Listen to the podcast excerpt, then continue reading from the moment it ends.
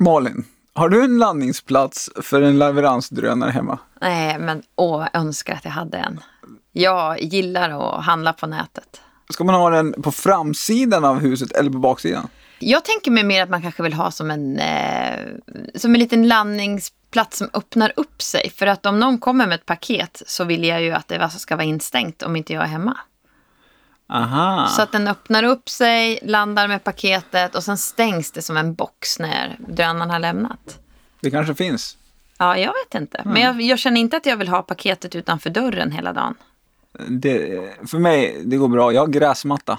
Ja. La- Landa på gräsmattan säger jag bara. Jag tror att det passerar några fler förbi mitt hus än ditt hus. Det hoppas vi. Ja. Det är därför jag bor där jag bor. ja.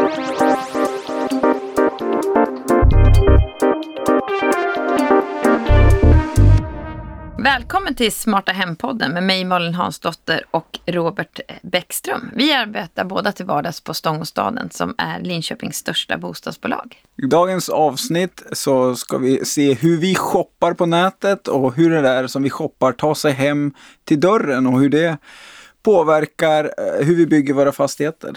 Och vår reporter är Rickard Lindholm och han har tittat närmare på, eh, på det här. Välkommen! Tack! Kul att vi egentligen ska prata lite shopping. Ja, men precis. Underbart!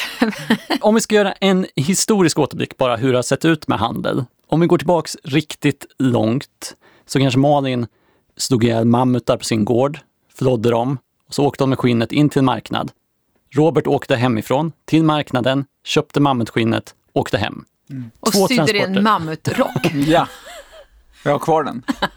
Det är två transporter, en på varje sida. En resa från Malin till marknaden, sen hem, Robert till marknaden, hem. Idag ser det ju, är det mer komplicerat får man säga. Länge har vi sett det här med tillverkningen, hur det har flyttats grejer över hela världen och hur man kör till lager, till butik och sen kommer någon dit och handlar. Men nu ser vi också att det är den andra sidan av det här som börjar bli allt mer komplicerat. Hur efter någon har köpt någonting, hur det faktiskt kommer hem. Istället för att man åker till en butik då, så är det andra leverantörer som är inblandade på olika sätt. Och det är det vi ska beröra idag. Hur vi kan göra det här hållbart och på ett bra sätt. Nu och i framtiden. Intressant. Jag tänker direkt på, i förr i tiden så hade man ju de här uh, mjölkbryggorna vid, så då kom ju mjölken hemkörd. Red, ja men för 50-100 år sedan. En mjölkpall. En mjölkpall. Ja. Och nu är vi tillbaka, fast nu heter det Mathem. Ja men precis. Det har funnits. Vi hade, vi hade sådana där leveransplattformar förut. Ja. Hemma på gården. ja, det är ju väldigt sant faktiskt. Och då var det väl ofta bönderna på, i närheten som körde ut direkt till alla som behövde lite mjölk. Det är dit vi vill, närodlat och korta leveranser. Och så alla visste att eh, Pettersson han ska ha fem liter mjölk. Och där de matleveranserna som är idag, där är det ju mer styrt efter ditt, eh, när du vill ha maten, än att så här, när de har fem liter mjölk till Pettersson att köra ut. Eh, Så att det är väl mer krav på att man hela tiden ska kunna köra ut och ha grejerna, än att man körde ut när man hade. precis. Men ja, idag, vi ska också testa ett nytt grepp här i podden. Vi ska börja med lite filmvisning. Nej, okej, vad, vad bra podd. Ja, exakt. Det blir lite svårt att eh, beskriva. Så jag kör utan ljud, så får ni beskriva vad det är vi ser. Åh, en Vi, vi kör någon Foodora-robot som åker i stadsmiljö. som är lika stor som en flyttkartong ungefär. Supergullig. Ja, Två hjul. två hjul, ja, precis som en hoverboard eh, ungefär. Med eh, blinkers och bromsljus och, Ja, den har blinkers. den Ja. och, och lock. Man öppnar locket så kan man hämta ut maten. Och sen körde den hem igen. Ja. Gud så söt. Är det här framtiden? Jag, det, Ja, Det är nutiden känns det som. jag tänkte spontant så här, bara, nej nu har ungarna glömt gympapåsen igen. Då bara sticker den där lilla iväg och lämnar av dem på skolan. Du tänker du skulle ha en egen, eller ska, Ja. ringer du då? För att eh, min son han tar hoverboarden för när han ska till köket hämta ett glas vatten och, eller om man ska hämta en macka så här, från vardagsrummet så, och så, så här, tar han hoverboarden hemma. Mm. Och då kan istället för att åka själv så kan han ju bara eh, skicka den där då. Ja, så ställer du i ett glas Ja, vatten. och så kan man ha den hemma. Ja, men det vi såg här, eller det vi hörde, ni hörde Malin och Robert beskriva, är en leveransrobot som har testkörts i Stockholm. Den är eldriven och uppkopplad mot 5G-nätet. Går i 6 km i timmen och kan transportera både mat och andra produkter som väger upp till 20 kilo. Mm, Det är ganska tunga. Ett litet barn. Då åker du det till är så här dagis. sk- Hej hej! Sådana här skilsmässohem liksom när man ska mellan, mellan eh, olika föräldrar. Det, jag tror inte man har testat att transportera barn i. Men det är verkligen, eh, ja, där Skulle kunna gå. ser du några andra användningsområden. Nej, men egentligen alla va- matvaror och eh, men alla egentligen. Eh, Alla var- paket som man paket. liksom Mm. skickar. Och speciellt i, i, som en i storstad, innerstadsmiljö där, man, där det är kanske svårt och det tar lång tid att komma fram med bil och så här. Så Mm. en sån där är ju... Ja. Några som verkligen tror på det här och att det här är framtiden i alla fall, Fodora och TD2 som har samarbetat runt den här roboten. Roboten heter Dora. Vi vill jättegärna träffa Dora för podden. Men Dora är i Italien just nu. Jag vet inte om det är en, någon som har gjort en jättelångväga beställning eller om det här liksom är en prototyp bara som man flyger runt och visar upp lite. Eh, är det här ett svenskt projekt eftersom det är ihop med Tele2? Ja, det är det. Däremot så tror jag att eh, roboten eh, är från Italien. Att företaget som har gjort den är italienskt och att det finns lite andra varianter på den här roboten.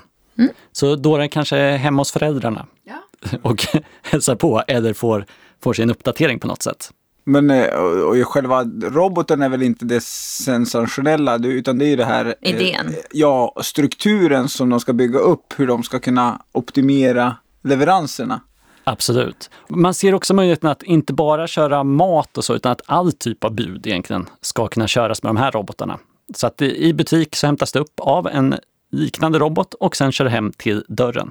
Ja, och det känns ju ganska naturligt. Det- Jag menar, om, man, om man ser på de Foodora cyklisterna som cyklar omkring och levererar matleveranser. Det kan ju lika gärna funka med något automatiserat fordon. Ja, och den var ju ungefär lika stor som deras ryggsäckar är. Ja, men precis. Ja, de är ju faktiskt enorma. Ja, Det är en väldigt bra beskrivning av roboten. Den Ja, är den väldigt var ju- lik ryggsäcken Ja. egentligen. en ryggsäck med hjul Fast sötare ska jag säga. Ja, det var den. Som en sötare ryggsäck. Ja.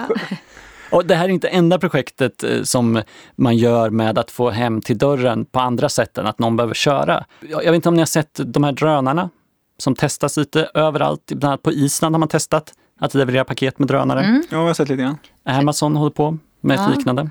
Nej, men, och det finns ett stort intresse för leveranser med drönare. Enligt eh, den senaste rapporten från analysfirman Drone II, vilket låter som att de kanske har intresse i drönarbranschen, så tror man att den globala marknaden för drönarleveranser kommer att öka från 1 till 3 miljarder dollar fram till 2024. Så det är en ganska en tredubbling av marknaden. Och det låter inte alls så otroligt. Och, Nej. och eh, ja, men det har ju exploderat och nu verkar det som att det finns en, ett hel, en, en hel del drönare som kan ändå bära ett antal kilo. Ja, ja de är, ju- brukar vara väldigt starka nu för tiden. Men man undrar hur eh, liksom logistik för, eh, eller liksom luftlogistiken, hur utvecklad den är. Vi bor ju i en eh, flygstad, Linköping. Och eh, det är ju inte alltid man får eh, dra upp drönaren. Det är ganska mycket regler för vi har ju ganska mycket trafik i luftrummet. Det är Saab och militären och det är ju många som flyger i vårt luftrum där så att det, det är svårt att komma upp med drönare där. Men det beror på hur hög höjd de här Ja, precis. kör Och det här på. tror jag kommer vara ett, eh, det här tror jag kommer vara svårt. Det här kommer vara verkligen en utmaning hur man ska reglera luftrummet i framtiden. För det är nog ganska många som vill in där. Men, eh, ja, men ut eh, till, på landet tror jag kan vara en ganska bra möjlighet att leverera med drönare. Ja men absolut. Du går bra till Robert. Jag mår, väl, bor väldigt bra till för att jag menar, det, och det skulle man kunna bli postleveranser också. Eh, för nu ska det ju vara en po- postgubbe eller gumma som åker omkring och, och slänger ut post. Liksom. Och, eh, ja men eh, absolut tror jag på det. Men hur skulle ni känna inför att få eh, leverans med en drönare eller en liten sån här robot då? I, ja, inga problem. Nej, jag tycker att eh, det skulle kännas helt okej. Jätte, ja men lite kul om första gången det kommer hända. Ja. För det kommer ju snart hända. Ja, absolut. Och eh, det här avsnittet ska vi titta väldigt mycket på hållbarheten, hur det egentligen ser ut med de här eh, transporterna. Så att om vi är positiva för det här, för det här är ju saker som drivs på el, både drönare och eh, den här roboten då. Men hur mycket tänker ni egentligen när ni shoppar online på hållbarhet? Ja, men, eh, ja, det försöker jag tänka ändå lite grann oavsett när jag shoppar. Alltså, alltså hållbarhet på kvalitet eller om det är ja, vart är det tillverkat och på vilket sätt liksom. Men tänker nog inte, missar nog ganska ofta att se vart ifrån det skickas och på vilket leveranssätt det är. Det fokuserar jag nog inte så mycket på. Jag tror att man behöver bli påmind. Det första du nämnde, att man kanske vill kolla kvaliteten och vem som har tillverkat till exempel kläder. Mm. Det har ju varit så många gånger i media, så det är man ändå lite medveten om att man vill liksom att det ska vara hållbart. Sen leveranser, det kanske vi inte riktigt har fått till oss. Men det är många som eh, har börjat med att tala om att om du väljer den här leveransen så sparar du så här mycket på miljön. Eller om du väljer den här leveransen så är det även en till på din gata som ska ha leverans då. Så då kommer vi leverera två. Och då kan ju jag som kund göra ett medvetet val. Nej, men jag vill ändå ha den klockan åtta. Jag struntar i att ni kommer klockan tio. Ja, men då är det ju mitt val. Men de har ju ändå försökt berätta för mig att, att jag kan göra ett eh, hållbart val. Och det, det tycker jag är bra. Det, jag har aldrig varit med om det. Va, är det, uh, att det är ett spedit, speditionsbolag eller? Uh, ja, men på till exempel uh, Mathem som vi hade mm. som exempel förut. Då finns det ett uh, på de har ju massa tider på mm. när man bokar tid. Och så finns det en med ett litet grönt löv på. Det betyder att här är någon i ditt område som redan har bokat en under den här intervallen. Mm. Ja, men då kan jag lika bra ta den som en timme senare om de ändå är här. Det... Och det tycker jag är superpositivt. För då kan ja. ju jag eh, ändå styra om jag vill hjälpa till lite. Och andra företag har ibland att du kan välja mellan olika leverantörer. Och då kan vissa vara, ha lägre koldioxidutsläpp än andra. Ja, och då flaggar man för det ofta där mm. också. Och vissa har ju också att det kommer upp, det här är bästa valet. Även om det kanske är sämst tid och längst leverans så, så ligger det överst och så får man då välja själv vad man tycker är värt. Vi har pratat med en expert på området där. Ja, jag heter Katrin Lamgård och jag forskar och undervisar inom hållbara transporter på Handelshögskolan i Göteborg. Eh, har sysslat väldigt länge med hållbara transporter och sista 6-8 åren med fokus på urbana hållbara godstransporter. Och som en del av detta är ju också förstås e-handelsleveranser. Ja, för e-handeln har ju ökat stort, inte minst i och med coronapandemin då den tog ett kliv framåt motsvarande flera års utveckling. Flera undersökningar pekar på att svenskarna fortsätter att e-handla oavsett pandemi eller inte. Det får man väl se lite nu eh, hur det kommer. Vi kanske kommer att vara jättesugna på att gå tillbaks till butiker. Men man tror att det här är ett beteende nu, att fler har fått upp ögonen för det och att det här kommer fortsätta. Ja, och jag, jag tror ju att det kommer vara liksom att mm, till viss del kommer tillbaka. Och, sen, och just, det finns ju en del som tycker om att gå i affärer och prova kläder. Jag är inte en av dem, men det finns ju de som, som kommer älska att komma tillbaka till det. Mm. Men annars tror jag att, att vi, har, vi har gått upp en, ett par nivåer. Jag tror också vi kommer fortsätta handla mer på nätet. Jag tror vi kommer på grund av detta se en omvandling av stadsbilden. Vi går ner på stan för att äta gott, eh, fika, kanske få någon underhållning eh, och vissa specifika saker som man kanske måste handla i butik. Eh, de butikerna kommer att överleva. De andra kanske kommer försvinna. Eller blir det som med maten, att vi går tillbaks till att det ska vara närodlat och vi ska känna och klämma och eh, e-handeln trappar ner. Jag vet inte. Men det här ökade intresset för e-handeln innebär i alla fall fler leveranser av paket till våra hem eller till ombud som också är väldigt vanligt. Och eh, Katrin kan förklara lite varför det är viktigt att de här leveranserna blir mer hållbara. Transporter överlag är ju en väldigt stor eh, utmaning när det gäller klimatet. Speciellt har vi ju CO2 som kanske inte är den mest eh, starkaste eller giftigaste delen av Ehm, växthusgaserna, men den finns i en sån mängd. Och tittar man på alla sektorer inom EU till exempel, sista 10-20 åren så har de gått ner medan det finns en som fortsätter att öka och det är transporter. Så transportsektorn är ju oerhört viktig när det gäller att få ner eh, växthusgaser. Så CO2 är ju en jätteutmaning förstås. Sen har vi ju att man har till exempel ökat på hemleveranser, då är det ju en helt annan, det här vi pratar om buller, eh, det blir en annan påverkan på de boende. Så det är klart att den aspekten finns ju också. Medans CO2 och NOx som, eh, som också är ju eh, utsläpp mer lokalt är ju förstås också ett problem i städer. Ja, så dels är de här utsläppen och sen är de här stora transporterna som ska in i bostadsområden då, som låter en hel del. Där är ju ändå, jag tänker, om, om man tog bort hemleveransen, om alla höll sig till utlämningsställen eller Instabox eller Budbee eller någonting, då får vi ju bort ändå lite trafik i områdena. Det är ju inte jättejobbigt att ta sig till, en, eh, till ett ombud. Nej, men, men sen går det ju att utveckla. Jag vet DHL i Linköping har ju cykelbud eller lådcyklar som åker omkring i innerstan då istället. Så att det går ju att Eh, och lösa det så från utlämningsställe också. Sen beror det på vad man beställer också. Vi har beställt eh, ny kyl och frys till sommarstugan till exempel. Det vill ju inte jag hämta i en box någonstans. Det är väl nog inget cykelbud heller. Nej, och då vill man ju ha leverans så nära det går liksom. Mm. Eh. Men det, måste, det är ett sällan köp ändå. Ja, det är. Men eh, även mat körs ut med ganska stora eh, transporter. Ja, med lätta lastbilar liksom. Ja. Mm. Men ja, som ni är inne på där, så, eh, om man kör till ett ut, ombud eller en, eh, vad ska man säga, en lådlösning, en förvaringsboxlösning, så eh, går det att få ner de transporterna. Men hur viktigt är då hållbarhet för svenskarna? Det visar sig i en undersökning som har gjorts att eh, man är ganska intresserad. E-barometern är en rapport om den svenska e-handelns utveckling och ges ut regelbundet av Postnord, Svensk Digitalhandel och HUI Research. I den senaste e-barometern visar det att 57 procent tycker att det är viktigt att kunna se e-handelsleveransens påverkan på miljö.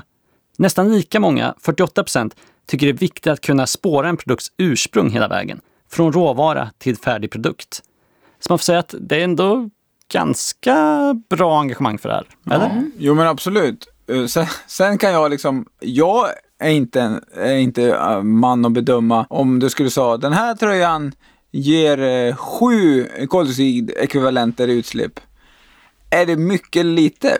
Ja, jag kanske är intresserad och det är jättekul att se det, men kan jag köpa en för två? Du är man, du kan killgissa. ja, och då är det ju bra. Sju är bra. ja. Vi lyssnar lite på Katrin, vad hon säger. Så att intresset är ju enormt. Och man, kan, man säger också att konsumenter har mer värderingsstyrd konsumtion, den växer.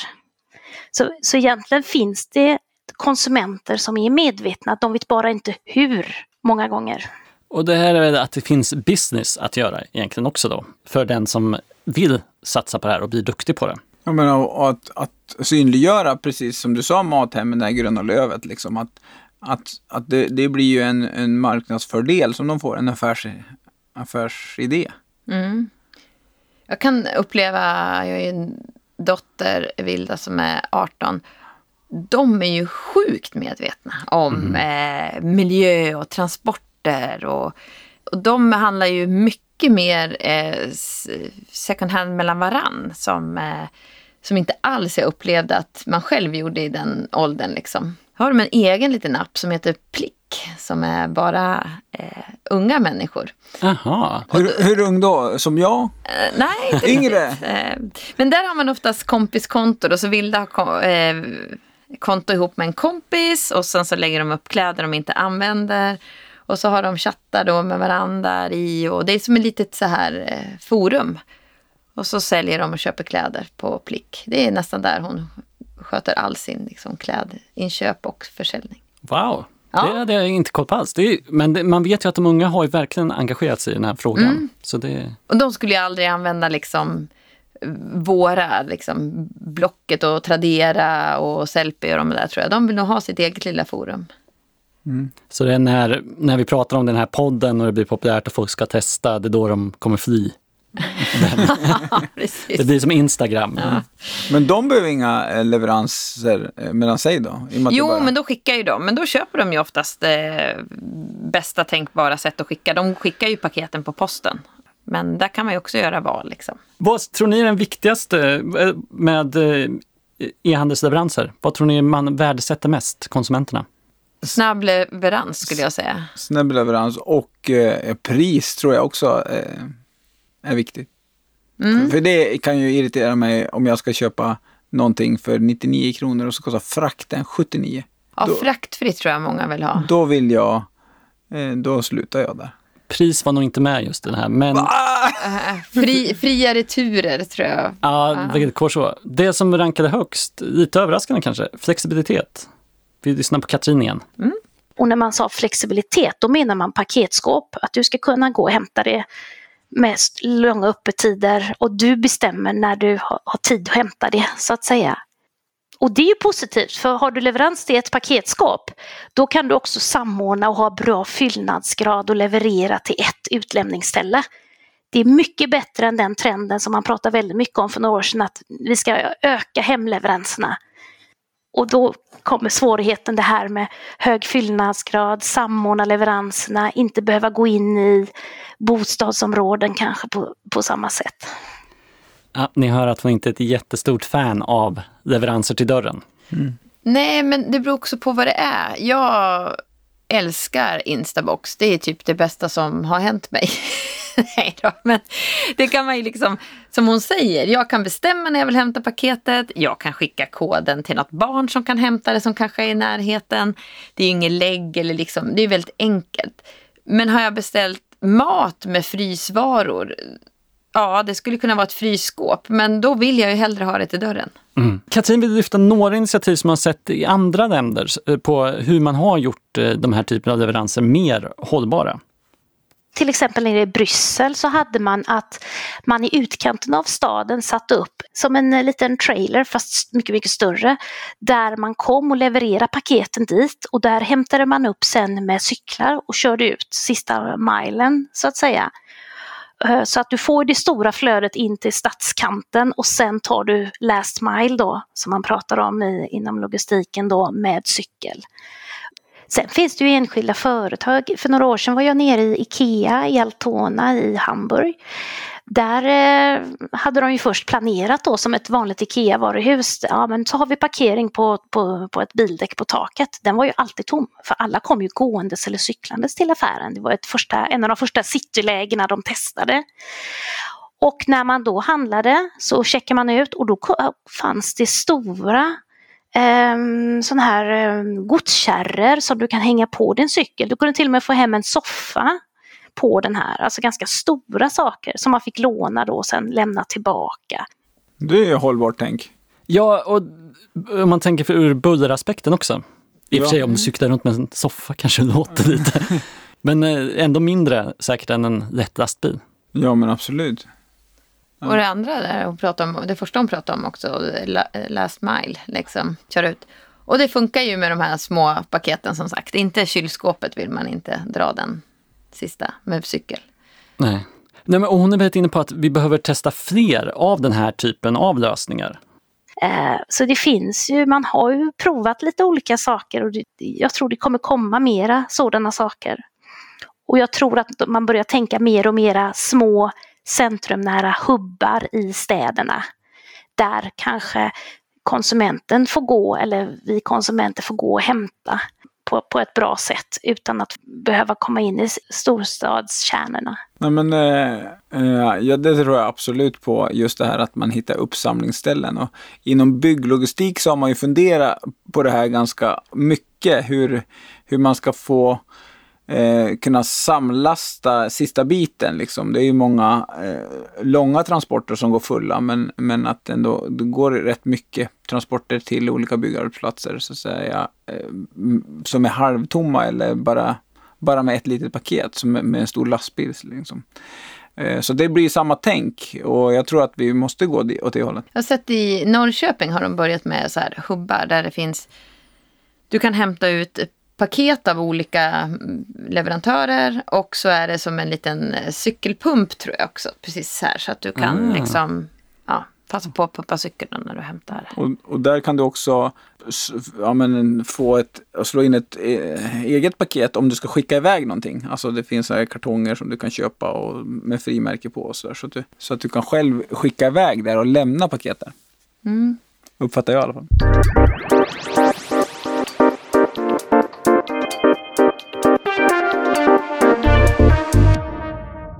Men i det här också så osökt så går vi över på nästa område här då. då. Hur är våra fastigheter och bostadsområden egentligen anpassade för våra nya shoppingvanor? Inte alls. Nej, Nu vet inte jag, jag bor i ett gammalt hus, men där har man ju, ett, jag är brevinkast. Man får inte jättemycket brev på ett år om man jämför med paket egentligen. Nej, och man vill ju kanske inte, om man bor i ett, i ett hyreshus så vill man kanske inte att ens varor ska lämnas i trappuppgången till exempel. Nej, absolut. För det, det kan vara en del som, människor som rör sig säkert. Jag bor ju i radhus som är 12 år gammalt, men vi har ju bara traditionell postlåda. Alltså det finns ju inget utöver.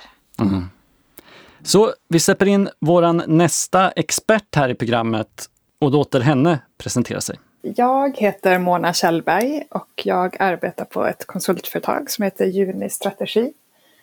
Vi arbetar med att ta fram beslutsunderlag inför utveckling av samhällen och städer vad gäller bostäder eller detaljhandel. Hur människor vill handla, bo och leva framöver helt enkelt. Så hon tittar ofta på större, eh, på ett helt område. Vi var lite nyfikna på här, kommer det försvinna butiker? Kommer det finnas kvar det överhuvudtaget i bostadsområdena? Eller borde vi bara satsa på de här typerna av ombud där man kan ta emot paket? Nu har jag jobbat med det här i snart 20 år och jag vet att, nu är det kanske ganska länge sedan, men då, då kunde man få frågan från kommuner så här att ja men här, så vi- här vill vi ha, i det här nya bostadsområdet så vill vi ha handel och i, i alla bottenvåningar för vi vill att det ska bli liksom en piazza och det ska vara folk och rörelse och så här. Och idén då var ju att bara man satte in butiker så skulle det komma människor. Alltså att butikerna i sig skulle skapa det här livet och känslan av Italien, en italiensk piazza. Eh, Medan nu tycker jag det finns en större förståelse för att butikerna och verksamheterna som man har i bottenvåningar, det i sig skapar inte liv. Det kan absolut bidra till platsen men, men förutsättningar för att butikerna ska fungera måste finnas där från början. Det måste finnas ett tillräckligt stort underlag för att man ska kunna vara lönsam så man kan investera i sitt närområde och i sin butik eh, och utveckling. Och får man tomma, vakanta lokaler då, då skapar det motsatsen. Då blir det ju, upplevs det som en otrygg plats som, eh, som upplevs som död. Och där Eh, tycker det finns en större medvetenhet om att man måste också arbeta med andra typer av målpunkter som inte är detaljhandel och butiker utan att man kanske med temalekplatser eller med ja, utegym eller skatebanor, att man skapar det här livet, målpunkterna som också drar folk till de butiker som finns på platsen. Jag håller verkligen med om henne att det är ett problem och, och att vi behöver jobba på ett annat sätt. Jag tycker om hennes det här att man skapar aktivitet istället för eh, butiker. Sen tror jag att det är restauranger och kaféer och det jag var inne på tidigare. Det drar ju folk på ett annat sätt. En butik går du in i, handlar kanske en tröja, sen kanske det tar två månader innan du går tillbaka till den här butiken. Medan en schysst kvarterskrog kanske man i alla fall besöker några fler gånger och man tar med vänner dit och så kanske det finns lekpark utanför, då kan barnen hänga där. Det är liksom, jag tror det är så man måste skapa. Där jag bor så finns det en eh, lekplats och sen ligger det bredvid en sån här dyr italiensk glassställe. Det tror jag. Det... Det- tror jag är en bra kombo. Och du har använt båda enheterna? Så där. Framförallt glassstället, men jag, jag, jag har sett andra använda Ja, lekplatser. men, lekplats och en schysst kaffebar, det är, Ja. liksom, det är klart det funkar. Alla föräldralediga får dit. Ja, precis. Lattemammor och lattepappor. Ja. Så, och på så sätt så behöver vi ha kvar vissa lokaler i, i kvartersdelen så att säga. Men jag tror att det är viktigt att man måste se till ja, men, utvecklingen också i samhället.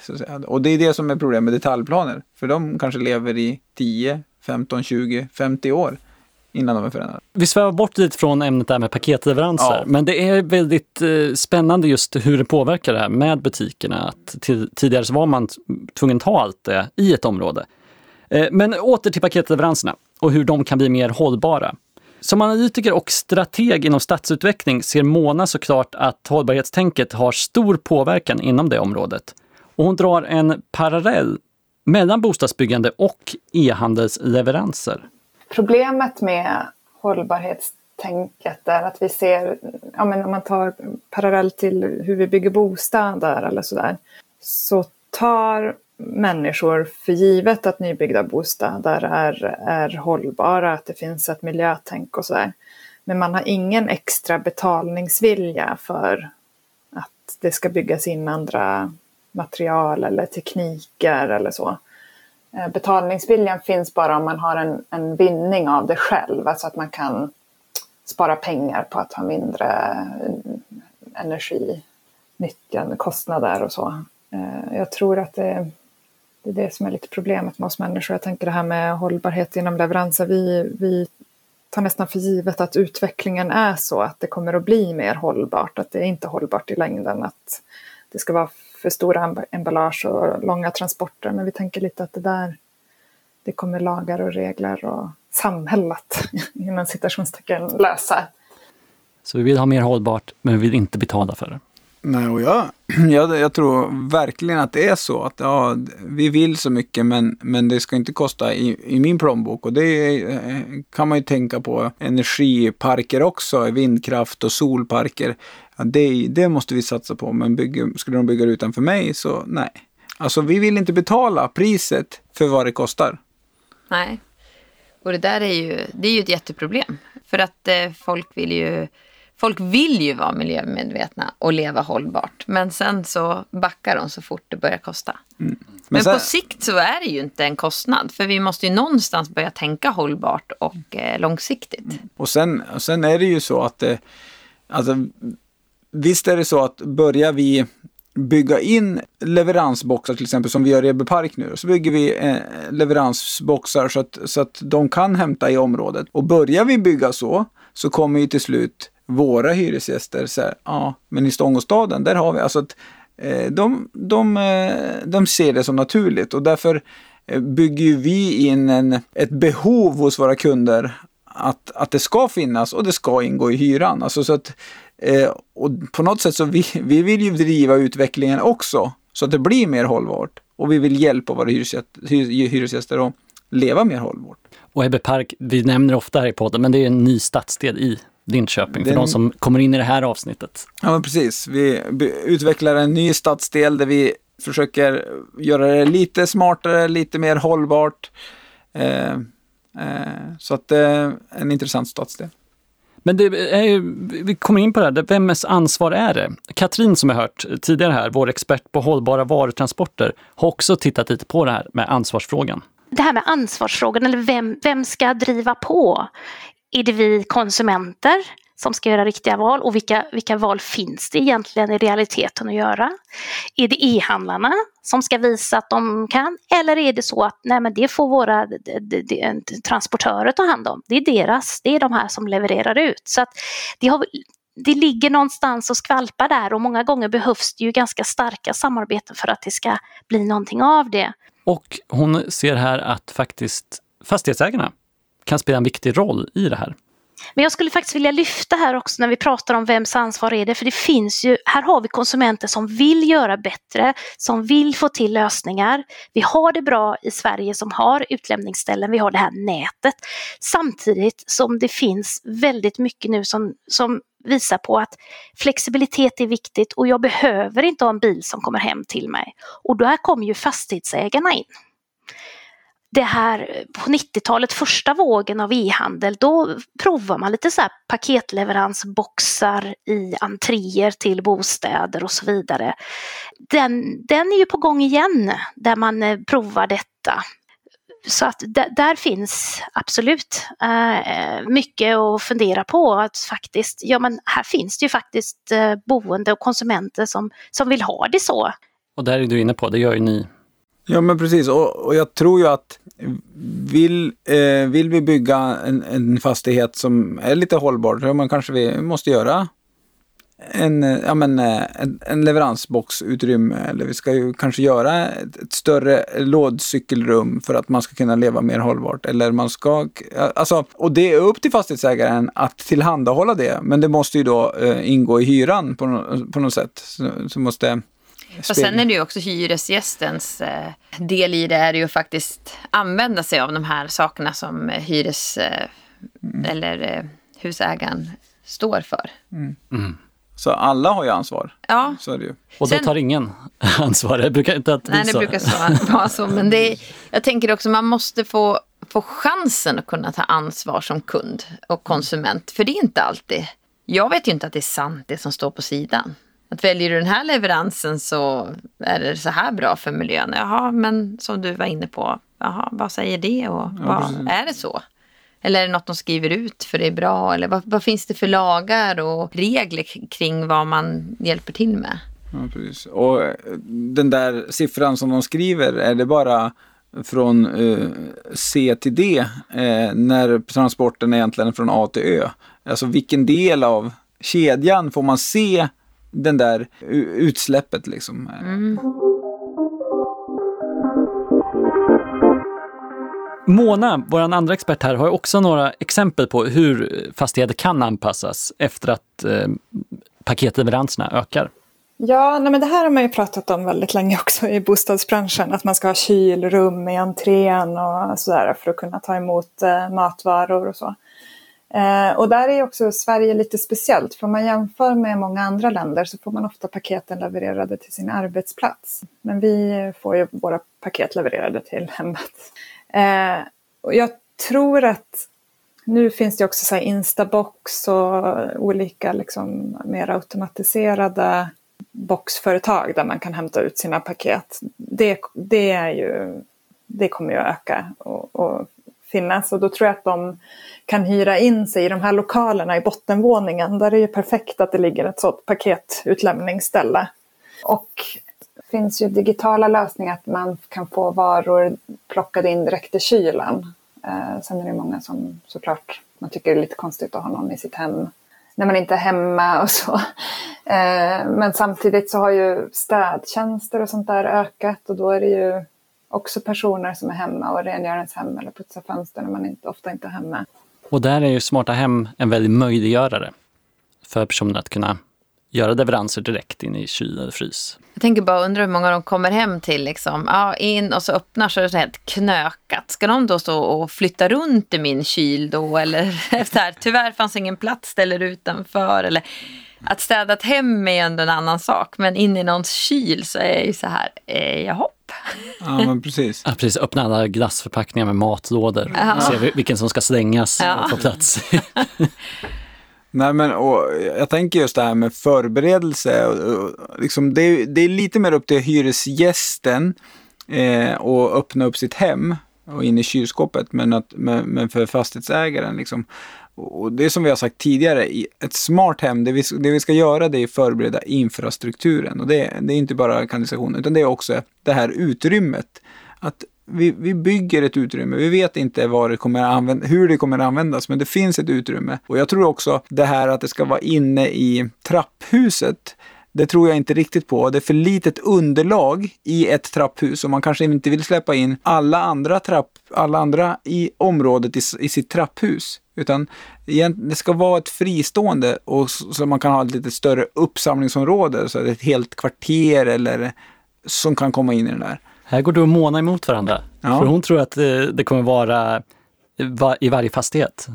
Premium, jag tror att så här, ett premiumprojekt, där ser vi ibland att man har en lobby och en, en reception och sådär. Där kommer det absolut finnas paketmottagning, bostadsprojekt i, i entrén. Utan jag tror att vi kommer att ta emot det i vårt hem och att det kanske finns ett utrymme för paket, absolut. Jag håller med. I premiumprojekt på, på, som har lite volym, kanske uppåt 100 lägenheter, så, så tror jag också på en lobby och liknande. Och, men jag vet ju också det här med 100 lägenheter, så, så tror jag också på en lobby och liknande. Och, men jag vet ju också det här med kylda Instabox håller ju på att utveckla det och eh, kommer kanske till och med testa det i, vår, i vårat projekt i, i Park. Eh, som en testbädd eh, för att testa sin produkt och hur det funkar, hur det tas emot av kunderna. Så att, eh, eh, men det finns inte än, eh, för, hos Instabox i alla fall.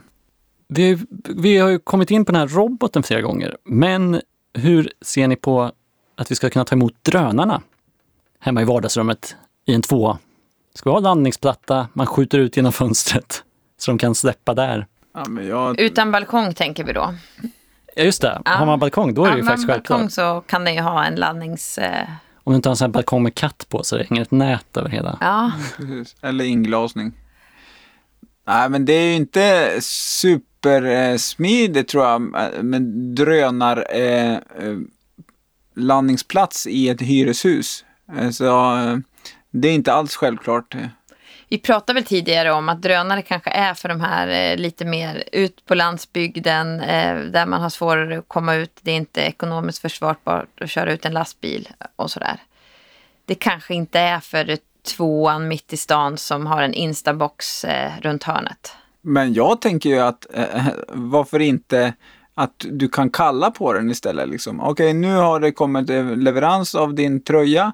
Vill du ha den levererad hem? Sträcka upp armarna bara Ja. och så får den på dig. Ja, men vill du ha den levererad hem? Nej, eh, kom till, till där jag står. Och så sen liksom instruktion, eh, gå till en plats där det finns minst två gånger två kvadratmeter fri yta.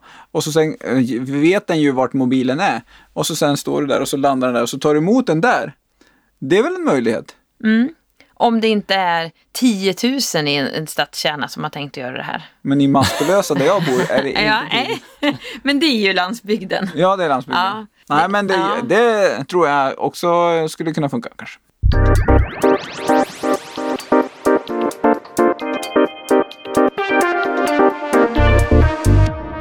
Här var väl ett kul avsnitt Robert. Absolut. Vad, har vi tag, vad tar vi med oss? Nej, men eh, jag tänker liksom att framtiden är här och kommer med robotleveranser och drönare. Ja. Jag tänker alla de här små gulliga robotarna på gatorna och drönare i luften. Kommer vi också få plats i den här röran eller? Jo, men ja, det tror jag verkligen på att de här små söta robotarna kommer verkligen, de, kommer slå. Och så sen på landsbygden kör vi drönare. Har vi löst alla paketleveranser? Ja, men precis. Om du har förslag på vad vi ska ta upp i Smarta Hem-podden, mejla gärna till podcast.stangastaden.se. Du har lyssnat på Smarta Hem-podden med mig, Malin Hansdotter och min kollega Robert Bäckström. Våra reporter är Rickard Lindholm och Josefin Svenberg. Podden ges ut av Stångstaden och produceras av Chimney.